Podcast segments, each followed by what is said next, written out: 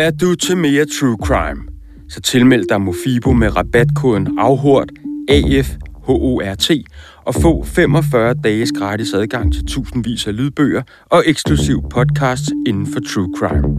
Tilbuddet slutter den 31. april og gælder kun nyoprettelser.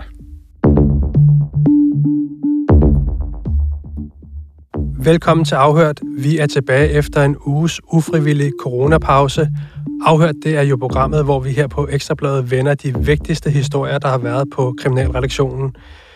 I dag har vi tre historier på programmet. Den ene er en drabsag fra Jylland. Så kommer Sune Fischer, vores øh, faste gæst, ind og fortæller om en sag i rockerverdenen, hvor en tidligere mangeårig Hells Angels rocker nu har valgt at vende tilbage til øh, Hells Angels, efter han ellers havde forladt klubben. Og så til sidst skal vi høre om øh, en drabsag fra øh, København, hvor der nu er anholdelser i, øh, i den sag. Som altid, så har øh, jeg Camilla Marie Nielsen med i studiet. Jeg hedder Dan Bjergård, og i dag kan vi også sige øh, velkommen til Jens Anton Havskov. Du er jo øh, ny her på Ekstrabladet, men øh, ikke ny ud i øh, det at bedrive kriminaljournalistik. Det har du gjort i rigtig mange år på, øh, på BT. Så, øh, så jeg både velkommen til Afhørt og til, til Ekstrabladet. Har, har vi taget godt imod dig? Tak for det. Ja, jeg har ikke noget at klage over. Hvordan er det at skifte til fjenden? Nej, nu har jeg nok aldrig betragtet det som en fjende, men Nej. en konkurrent om ikke andet. Præcis. Jamen, øh, jeg laver stort set det samme, som jeg har gjort hele tiden. Så. Og du er sådan lidt udadgående reporter, der kører rundt i det danske land og Det er rigtigt. banker på døren, og, Ja. og det har du faktisk gjort i... Det har jeg gjort i øh, t- over 20, 20-25 år. Så Og, og du er jo øh, kommet hurtigt i, øh, i gang her på bladet med en, øh, en lidt opsigtsvægtende drabsag, som starter her øh, lørdag aften sent, øh, natten til søndag, kan vi godt sige, hvor et, øh, et ungt par bliver vækket af nogle kraftige bank på deres hoveddør. Og, øh, og da de åbner døren, så står deres, øh, deres nabo, en, en kvinde, står ude foran og, og beder om hjælp. Og ved siden af, der står så en, øh, ja, hendes mand. ja, der står hendes mand. Ja, hendes mand, og som så fortæller, at øh, der er ikke noget galt. De, øh, de skændes bare lidt. Øh, Ja, altså, der, hvad sker der herefter? jamen, der sker det, at i den her villa, som ligger ved siden af deres egen, de har selv sådan en meget øh, imposant, flot, øh, hvidstens, øh, vandskuret villa, som er tip-top renoveret, det her ægtepar. Øh, naboparet her, som er et ung par, der har et lille datter på, på øh, 8 måneder, de er gået tidligt i seng der lørdag aften. Og de hører først sådan et bump, og de, de, og, de, og de sover jo. Men de hører sådan et bump, sådan et dunk, og så tror de faktisk i første omgang, at de er ved at blive udsat for et indbrud. Øh, og, så- øh, og så ringer de øh, meget fornuftigt til alarmcentralen. Fordi de, de er ret sikre på, og så, hører de, så begynder de at banke lidt, og de kan høre noget mærkeligt støj, men de er i hvert fald på det tidspunkt ret sikre på, at de er ved at blive udsat for et indbrud. Så de ringer til alarmcentralen. Og da de ringer, så får de at vide, at vi er på vej. Øh, så nogen har jo ringet. Øh, Altså, nogle andre har også lagt mærke til, at der ringet. foregår et eller andet. Nogle andre har ringet øh, kort tid forinden. Ja. Øh, men mens øh, den øh, kvindelige del af det her unge par, øh, som står med sit øh, barn på armen der, har telefonen og alarmcentralen, så, øh, så, siger, så bliver de så enige med dem, beder dem om at gå ned lige og kigge, hvad der sker dernede. Og det, det er helt naturligt. Så det gør han med, med i bare i underbukser og stridthår, tænker jeg, og lidt øh, lettere forvirret. Så han går ned ad trappen, de har soveværelse ovenpå. Hvad tidspunkt er vi? Vi er omkring klokken øh, kvart øh, i 12, ja. altså kort før midnat, Ja. sent lørdag aften. Så han går ned og åbner døren, og han ved selvfølgelig ikke, hvad der møder ham, men øh, som sagt tror han i første omgang, det er et indbrud. Men da han så åbner døren, så står han, det der nabopar, celebre nabopar, som bor lige over ved siden af, og øh, han kender dem jo ikke på den måde der. Altså, det, han kender dem kun som nogle øh, søde, imødekommende, festlige folk, hvor der er øh, lidt fart på, og Så han ved godt, det er naboen, der står Det er naboen, og Ja, de ja. kender hinanden og har det hyggeligt over hækken og alt det der. Øh, Så han, øh, det er ligesom en ny situation, han lige pludselig står i. Mm. Øh, Da han åbner døren der, så da da han lige er lettere forvirret og ryster på hovedet, så, så bliver han i hvert fald vågen der. Men så, så siger han med det samme, altså den 53-årige mand, øh, vi skændes bare, siger han. Øh, og hun siger, vil du ikke godt hjælpe mig? Og så står han lidt der, øh, og det vil han selvfølgelig gerne. Øh, Altså men- naboen her, nabo. tænker jeg. Ja. Han er slet ikke klar over, selvfølgelig på det tidspunkt, hvor alvorlig situationen så bliver lige et øjeblik efter. Men han siger, at han vil jo gerne hjælpe. Så jeg, jeg tager lige noget tøj på, siger han. Og så vil han selvfølgelig komme ned. og gøre, hvad han nu kan, øh, hvis der er et eller andet, han kunne bidrage med. Så han går op ad trappen igen for at tage bukser på. Og øh, ja, måske et minut, ikke meget mere, så kigger de, øh, inden han er overhovedet har fået alle sit tøj på, så kigger de ud af vinduet. Øh, og der kan han se ryggen af den 53-årige mand, der går over til deres egen villa. Og det, undrer de, det, det er så mærkeligt. Alarmcentralen er stadigvæk i røret, fordi da de ringede op, øh, hvad de troede var det indbrud. Øh, og så siger de, så overtager han telefonen fra sin øh, kæreste der, som stadigvæk står med barnet. Så går han ned, går ned og ser, hvad der sker, siger de fra alarmcentralen. Han går ned ad trappen, kigger ud af døren, og der ligger hun død, og hendes hals er næsten skåret over.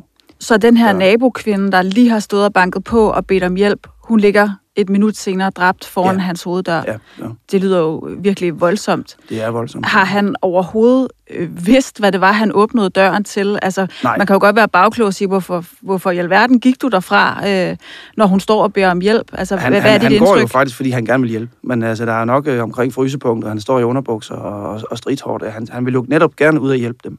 Så han skynder sig lige op, så kommer jeg. Og, og det gør han så, men der er så kun hende tilbage. og Hun ligger lige foran deres dør på et græsstykke, øh, der er foran hoveddøren. Hvad han så samtidig kan se, mens han lige står der, det er, at manden faktisk vender om. Altså naboen. Øh, så mens han, jeg ved ikke, om man kan nå at bearbejde, bearbejde et chok, så det kan man nok ikke, men han, han er i hvert fald selvfølgelig dybt chokeret over, hvad der ligger lige foran ham.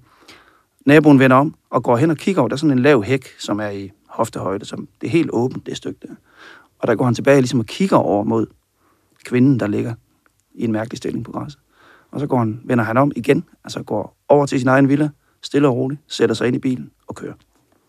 Og du har jo talt med den her nabo, det er derfor, du kan gengive den Ja. her situation øh, så Ja. præcist. Hvad, altså, hvad er det for nogle skader, hun har, den her kvinde? Altså, hvad er det, der er, er sket? Du er, du er inde på, at hun i hvert fald har en skade i halsen, men, men altså, hvad er det, der er foregået øh, angiveligt øh, mellem øh, mand og kone her? Ja, nu ved man jo ikke, hvornår det er begyndt, men, men øh, og det tror også, det kom frem under øh, øh, det, der blev nået at læse op i øh, grundlovsforhør i dagen efter, inden døren blev lukket, at øh, hun har nogle øh, forskellige knivskader, men øh, nu er jeg jo ikke læge, men, men øh, man kunne jo godt forestille sig, hvad øh, det dræbende øh, snit har været. Men, men hvad, øh, den her nabo, altså, han må på en eller anden måde også have vurderet, at, at situationen ikke, egentlig ikke var så alvorlig, da de stod dernede. Øh, Også det her med, at de jo begge to siger noget, sådan den ene siger, hjælp mig, den anden siger, jamen, vi, vi, vi skændes ja, bare det. det- Øh, Så han vurderer jo ikke, at øh, der er en eller anden alvorlig hændelse, han Nej, skal det, det han skal gør han helt sikkert ikke, for så var han garanteret blevet der, selvom han kun står i underbukser. Altså, det er jo nok det sidste, de kan forestille ja. sig, at hvad de øh, øh, ser øh, et meget kort øjeblik lige efter. For, fortalte han noget om, altså så han noget om- om en kniv, der var fremme, eller Nej, noget som helst, det nej, gjorde han ikke? Nej. Og du siger, at øh, han ser så naboen øh, vende lidt tilbage mod øh, Ja, den Og så bliver hans kæreste kvinde. selvfølgelig i øvrigt nervøs for hans sikkerhed, fordi... Og det kan man jo godt Ja. forstå, når, man, når man kommer ud og ser sådan noget Ja. foran sin, sin Ja. hoveddør. Men så kører han så derfra, øh, den her ægte mand. Ja, det gør han. Hvad, hvad sker der så derfra? Jamen altså, hvis man lige skal tage selve situationen der, øh, hvor han står der, der har han jo stadigvæk alarmcentralen i røret, mens han åbner døren. Og så siger han, at han har fandme slået hende ihjel. Altså, det siger han til alarmcentralen lige der. Øh, ja, og så kort efter, så er det så, han sætter sig ind i sin bil. Efter at have været vendt rundt, altså naboen, og Ja. kører. Det, der så angiveligt sker, det er, at han nok kører fra øh, adressen der i øh, Æbeltoft, og så ind til Aarhus by. For det er der, han senere på natten bliver anholdt. Og så bliver han jo altså fremstillet i et grundlovsforhør øh, dagen efter. Ja. Øh, hvad er det, øh, han bliver sigtet for øh, ved det her grundlovsforhør? Han er sigtet for manddrab på sin øh, hustru. Øhm, og han, øh, han erkender, at han har forvoldt hendes død. Altså, han erkender vold med døden til følge, men han øh, nægter at have begået manddrab. Øh, jeg har talt med hans øh, forsvar, som øh, siger, at øh, årsagen til det, det er selvfølgelig, at han ikke havde forsæt til at dræbe hende. Altså det, det her, når man går ind og siger, var det hans hensigt at, Ja. at slå kvinden ihjel? Fordi man dømmer efter forsættet, Ja. ja. når, når den tid kommer. Ja. Ja. Indtil videre Ja. sidder han jo så varetægtsfængslet. Så man, kan sige, at han, han øh, erkender de der faktiske omstændigheder, altså han har forvoldt kvindens død, men det var ikke det, der var hans hensigt. Ja, øh, og så må han jo så på en skulle forklare, hvordan det harmonerer med Det vil så være op til retten knivlæsion i, i senere. halsen, ikke? Senere retssag, ja. Øhm, Og, og du var ikke selv til stede i, øh, i retten under det her øh, grundlovsforhør. Nej, ikke. Men, er der kommet andet frem, som er sådan øh, relevant for sagen? Noget med, er der motiv i denne her øh, sag? Altså, vi har jo talt, øh, jeg selv og kollegerne har jo talt med en hel masse mennesker i den her forbindelse.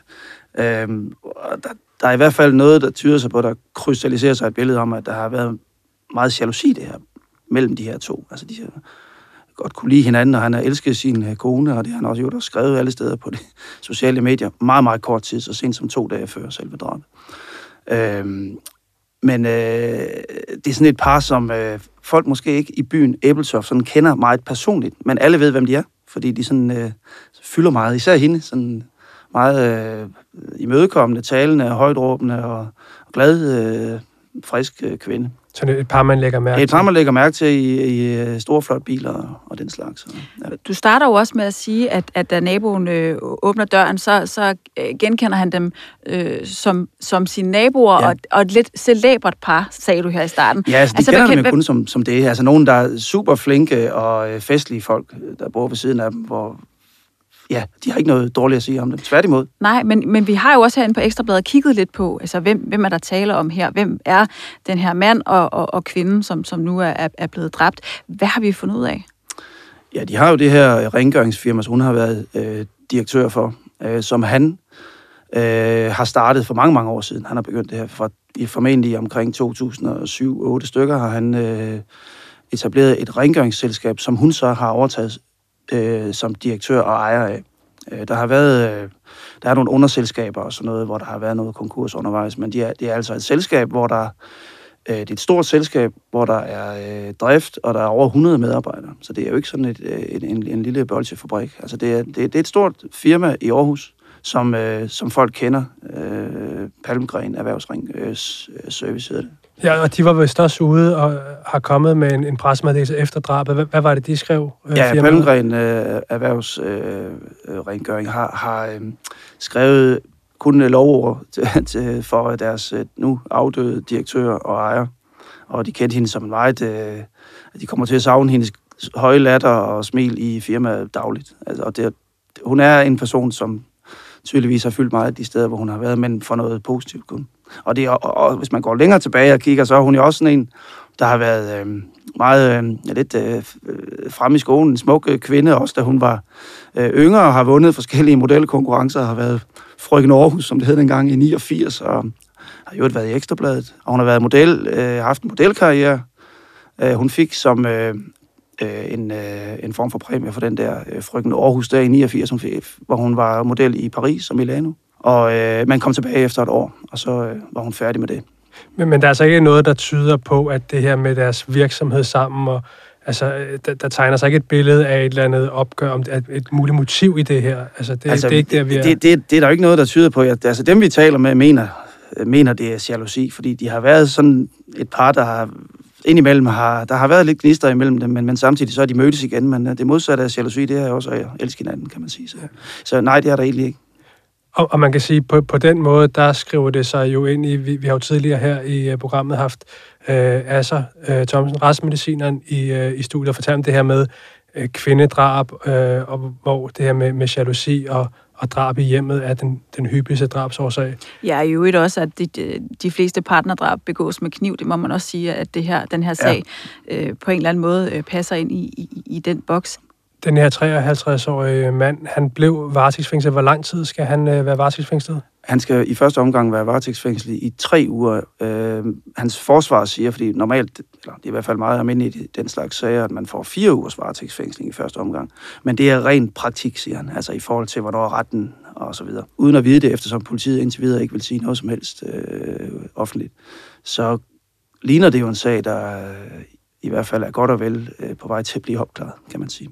Ja, altså der, øh, der er i hvert fald en... Der er tid nok, kan man sige. Ja, der, og der er jo en, der har Ja, ja, i hvert der- fald erkendt det faktisk. Ja, han har erkendt- Ja, og der er jo faktisk, ikke gerningsmænd på fri fod, og altså, vi må gå ud fra, at der har Det været to mennesker til stede. Den ene er, er slået ihjel, og, Ja. og den anden sidder nu øh, varetægtsfængslet. Du skal have tak, fordi du gjorde os klogere på den her sag. Selv tak. Det kan være meget svært at forlade rockerlivet, og vi hører jo tit om det her med exit og forebyggende tiltag for at forhindre unge i at blive draget mod det her rocker-bande-miljø. Og det er åbenbart også rigtig svært at forlade livet som rocker, øh, hvis man har brugt det meste af sit liv i det her miljø. Og det skal vi tale lidt om nu her. Vi har øh, Sune Fischer i studiet. Velkommen til, Sune. Tak. Du er inviteret herind, fordi at øh, du har skrevet historien om rockerveteranen Jørgen Rinke, også kaldet Fehår, Det er korrekt. som efter to års pause Sammen nu... med dig i øvrigt. Det er rigtigt, jeg har også været med på den. Men nu er det dig, der skal fortælle lidt om den i dag, og det bliver rigtig spændende at høre om. Og han har jo efter to års pause valgt at gå tilbage i rockervesten. Og vi skal jo lige høre først og fremmest, øh, hvad er det her for en gut, der nu igen er medlem af Hells Angels? Jørgen Rinke, han har jo en lang historik i Hells Angels, og han har, fik jo en livstidsdom tilbage i slutningen af 1990'erne for, for sin andel i det såkaldte lufthavnsdrab, der kostede en banditers rocker livet. Og lufthavnsdrabet, det skete jo i foråret 1996, hvor at en banditers rocker, han blev med, med koldt blod blev meget ned øh, ude på P-pladsen for en Kastrup Lufthavn. Drabet blev anset som værende den episode, der kickstartede det, der siden skulle gå hen og blive kaldt den store nordiske rockerkrig. Og i den her sag, der fik, øh, der blev øh, Jørgen Rinke Fehår jo idømt livstid som en ud af seks rockere. Så det er, altså, vi har at gøre med en herre, der har været en stor del af HA's øh, nyere historie, og som jo så altså valgte at, at forlade øh, rockerklubben. Du siger her, at han fik livstid, og så blev han jo så øh, løsladt efter øh, 17 år øh, bag trammer. Ja, i 2013. Og så var det noget med, at der faktisk ikke gik ret lang tid, før vi igen så hans navn på, på retslisterne. Hvad, hvad var det for en, en sag, øh, vi, vi så ham i igen? Ja, altså i 2017, der blev han jo varetægtsfængslet for, under, på mistanke for at have været bagmand i en hashliga, der leverede hash til to båder på Christiania, og som samtidig også betjente de her to hashboder, som man leverede hash til. Der vurderede politiet jo, at han var toppen af kransekagen. Det var ham, der var bagmanden, som via en stråmand, og som igen via en mindre flok øh, håndlanger øh, kontrollerede hele den her hashliga helt ned til, til bådniveau. I første omgang, så blev han jo, fordi han jo var prøveløsladt fra sin livstidsdom, så valgte byretten jo i 2018 at genindsætte ham på den her livstidsdom, hvilket Altså, jo var... man simpelthen genoptog, at han skulle sidde livstid bag Ja. ja. trammer. Altså, Hårdt slag. Ja, altså der er de her øh, vilkår, hvis du begår ligeartet kriminalitet. Det, der jo var hele tvisten i den sag, det var, om man kunne sige, at det, som politiet i hvert fald kaldte organiseret hashandel på Christiania, om det var ligeartet kriminalitet med altså et, et, et drab under en rockerkrig. Så, så det var ligesom øh, det, retten skulle tage stilling til. Kan man sammenligne de her to ting? Er det ligeartet? Øh, og der valgte byretten altså at sige, at Jørgen Rinke FH, han skulle have, øh, blive genindsat på sin livstidsdom. Men den ankede han, og hvad skete der så? Genindsættelse på livstidsom, det fik jo hans forsvar Peter Sækker op af stolen, og sagen den blev anket til landsretten på stedet. Og her, da retten så i, var det 2019, tror jeg det var, der afgjorde øh, Østerlandsret jo så, at der ikke var tale om ligeartet kriminalitet, og i stedet så omgjorde man jo den her genindsættelse til en straf på tre års fængsel for at være bagmand i den her hasliga. Men der skete jo også noget andet under den her ankesag, fordi det var jo faktisk i forbindelse med den, at vi blev gjort opmærksom på, at Jørgen Rinke Fehår, han ikke længere var en del af, af Hells Angels. Hvad var det, han øh, meldte ud der? Ja, i forbindelse med ankesagen, så meldte han jo ud via sin forsvar, at han jo øh, var, var udtrådt af Hells Angels. Altså begrundelsen lød dengang, at det var på grund af det store fokus, som øh, Hass-sagen, vi dækkede jo intens sagen, da den kørte i byretten. Begrundelsen lød blandt andet, at hans udtrædelse af Hells Angels også skyldes den store mediemæssige opmærksomhed, der har været, og den øh, negativitet, som den store opmærksomhed, den medførte på hans, øh, den, på hans, på hans nærmeste familie. Altså sidder du og siger, at øh, Ekstrabladets dækning gjorde, at øh, Jørgen Rinke Fehår, han simpelthen ikke længere vil være rocker? Nej, det siger jeg ikke. Nå. Jeg siger, at øh, omtalen af ham i forbindelse med den her med, med byretssagen, der, den, øh, den, den påvirkede ham og hans nærmeste familie, og derfor så, så valgte han altså udtræde af Hells Angels.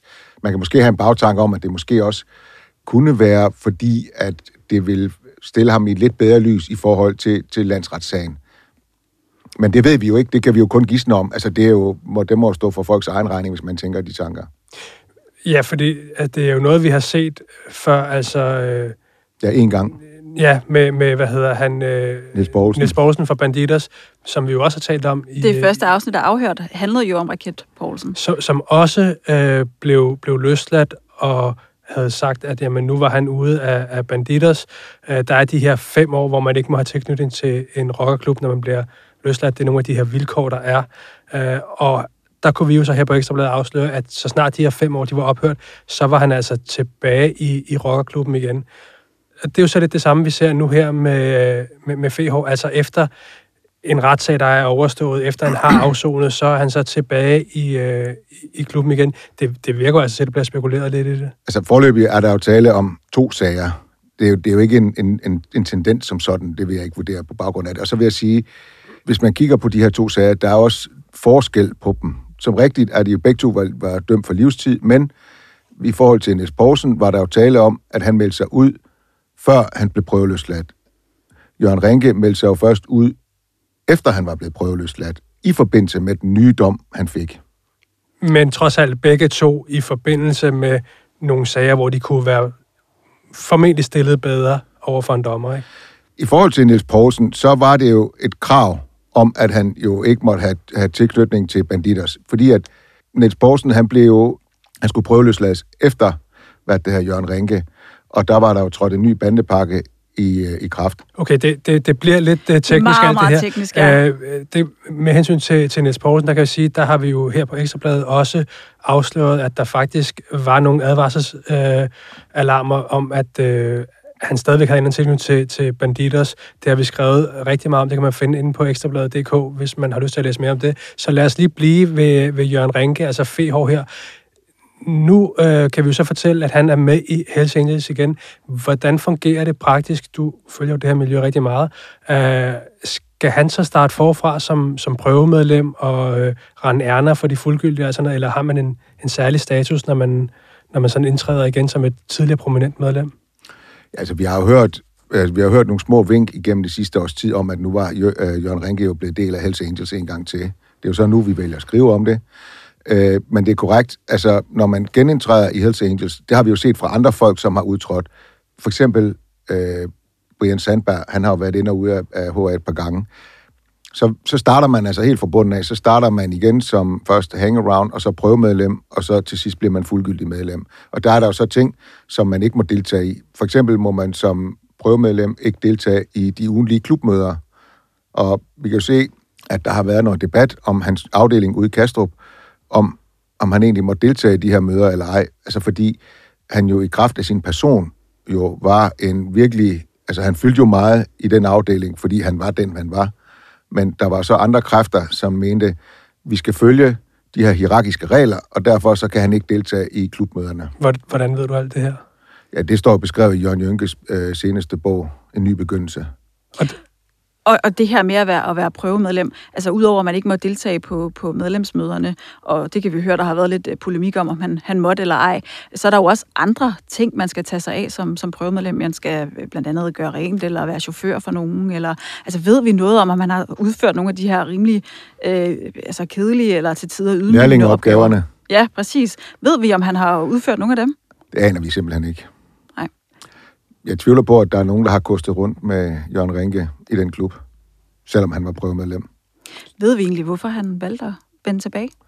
Det ved vi heller ikke. Det kan vi også kun gisne om. Har vi forsøgt at få manden i tale egentlig? Ja, vi har jo i forbindelse med dagens artikel og i forbindelse med, med podcast-serien, har vi jo gentagende gange rettet henvendelse til Hells Angels presse og hvor vi spurgt om vi via dem kunne få en kommentar fra øh, Jørgen Rinke, men der er man altså ikke vendt tilbage.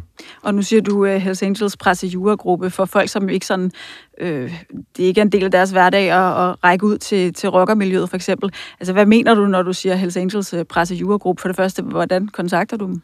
Jamen, så, så skriver vi jo en mail til dem. Pressejurgruppen er jo en, en, øh, er jo en gruppe, som Hells Angels har nedsat, hvor som, altså, vi ved jo en teknisk set ikke, hvem det er, der er med i den her gruppe, men jeg gidsner mig til, at der er en 3-4-5 medlemmer, og som sidder og tager sig af øh, pressehåndtering. Øh, det, på den måde så ligner det jo ret øh, beset at den, øh, den, den strømligning, af, af, som der foregår i resten af miljøet også.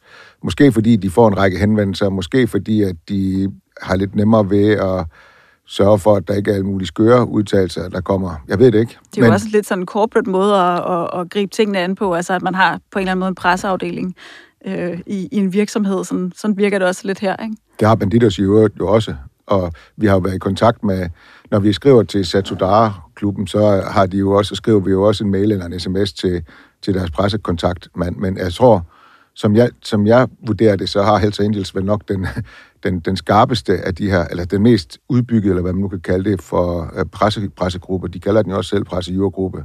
Jeg ved ikke, hvad juradelen i det egentlig består i. Nej, men altså nu har vi jo så skrevet den her historie, det er jo en historie, vi, vi har skrevet sammen. Altså hvad, hvorfor er det, vi beskæftiger os med det her? Hvorfor er det vigtigt at fortælle, at øh, Jørgen Rinke Fehår nu øh, efter to års pause har, har valgt at vende tilbage til Hells Angels?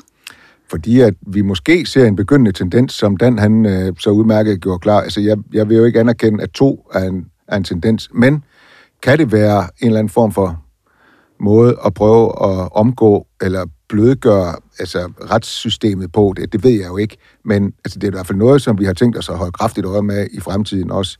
Altså i forbindelse med, med, med sagen med, med Niels Poulsen, så var der jo politikere, som mente, at det var et åbenlyst brud på, på de her, øh, på de her, hvad det her, på den her løsladelsesaftale.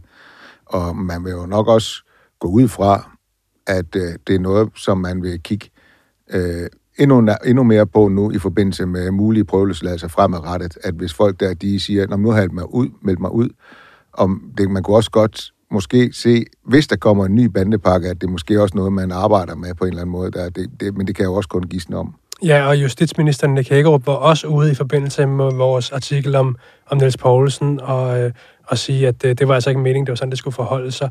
Øh, men øh, indtil videre, så må vi i hvert fald se, som du selv siger, om det er noget, der, øh, der kommer nogle nye tiltag med. Hvis man gerne vil høre mere om uh, Hells Angels og, og deres historie, så har vi i øjeblikket Bandeland sæson 3, som uh, vi jo alle sammen er med i.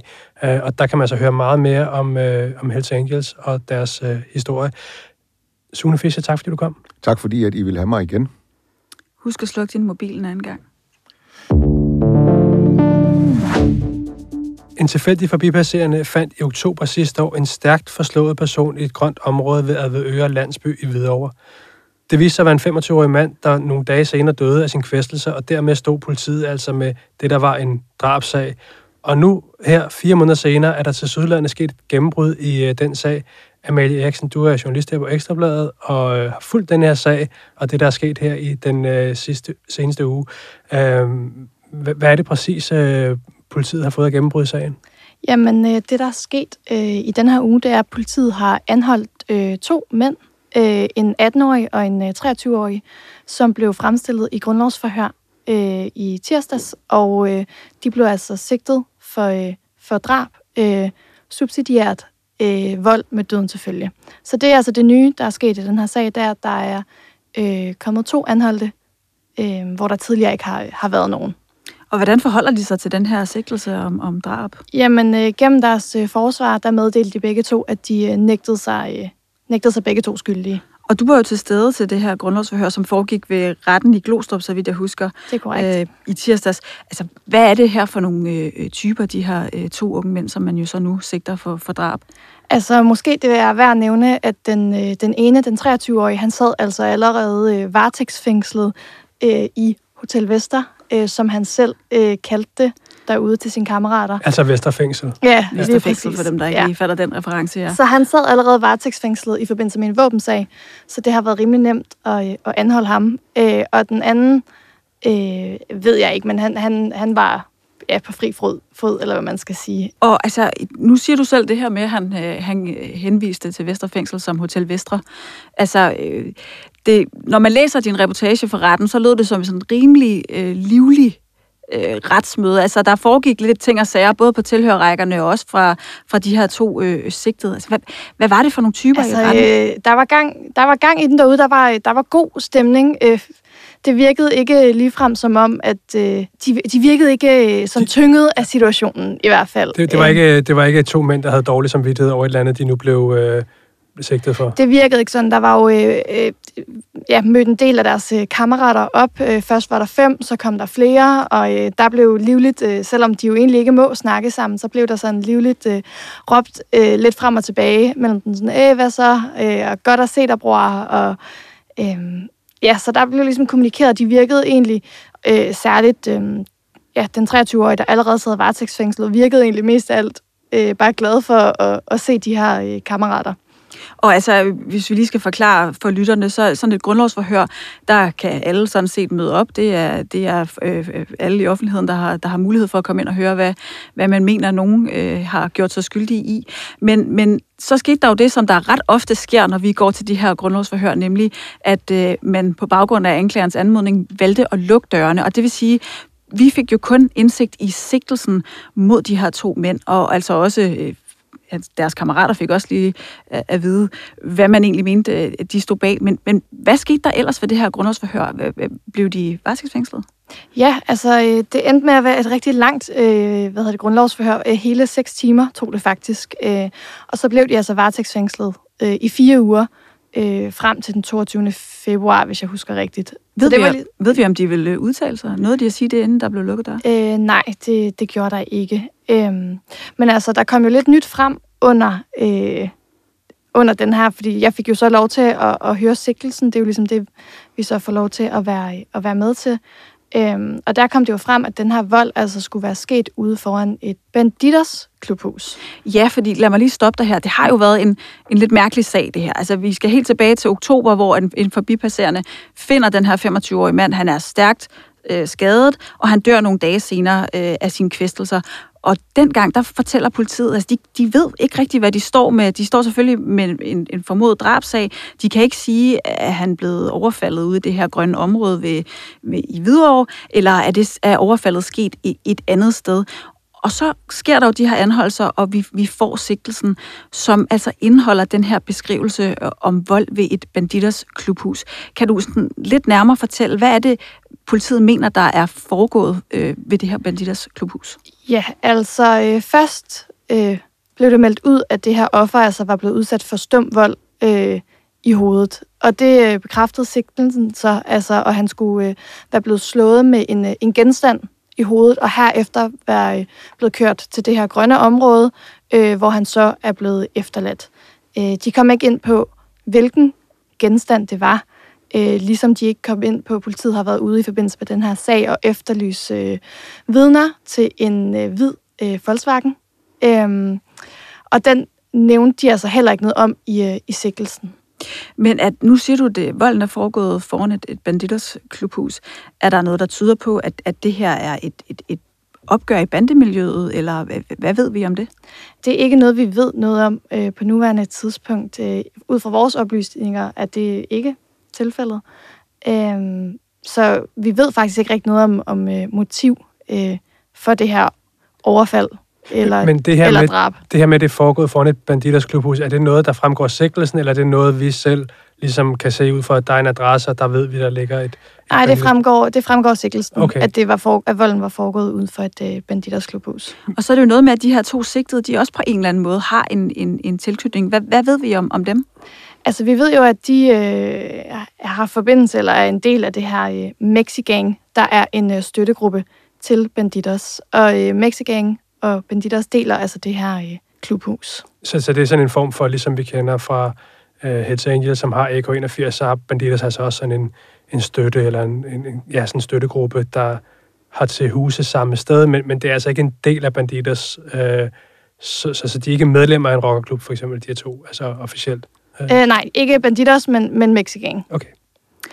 I forbindelse med, med sagen har der jo også øh, været en del oplysninger omkring den her 25-årige, som jo altså nu har, har mistet livet. Øh, især omkring hans øh, færden op til, at han altså bliver fundet øh, ude i det her øh, grønne område. Hvad ved vi om, om hans sidste timer, så at sige? Jamen altså, øh, ud fra vores oplysninger har, han, øh, har det her 25-årige øh, offer øh, været i øh, Nyhavn, og så senere på aftenen har han været på en, øh, på en øh, bar på sådan et øh, ret øh, fancy hotel øh, her i København. Og så ved vi, at han øh, har kørt rundt i den her øh, Volkswagen øh, transporter, hvide varevogn, som politiet har efterlyst øh, vidner til, og som øh, senere blev øh, fundet kørt i vandet ude ved Avedøre. Og den her transporter, det er altså, øh, som du selv siger, en, en bil, man finder i, i vandet, og som jo så nu indgår i sagen. Øh, altså, politiet har jo sikret spor, og vi har set, hvordan dykker har svømmet rundt i, i vandet for at finde ud af, jamen, øh, kunne man finde nogle effekter, der, der tilhører den her sag. Tak fordi du kom ind og gjorde os øh, klogere på den. Vi må jo se, hvad den øh, udvikler sig til, men øh, du skal i hvert fald have tak for nu. Selvfølgelig. Det var, hvad vi havde på programmet i dag. Du kan finde det her program og alle vores tidligere udgaver af Afhørt i din favorit podcast-apps. På rulleteksterne i dag er producer Rasmus Søgaard, Camilla Marie Nielsen og jeg hedder Dan Bjergaard. Vi havde i dag besøg af Jens Anton Havskov, Sune Fischer og Amalie Eriksen. Vi lyttes ved i næste uge. Afhørt bliver sponsoreret af Mofibo. Med Mofibo får du fri adgang til lydbøger og eksklusiv podcast, der handler om nogle af historiens værste morsager. Prøv 45 dage gratis med rabatkoden AFHORT, AFHORT, på mofibo.dk. Tilmeld dig senest 31. april som ny kunde.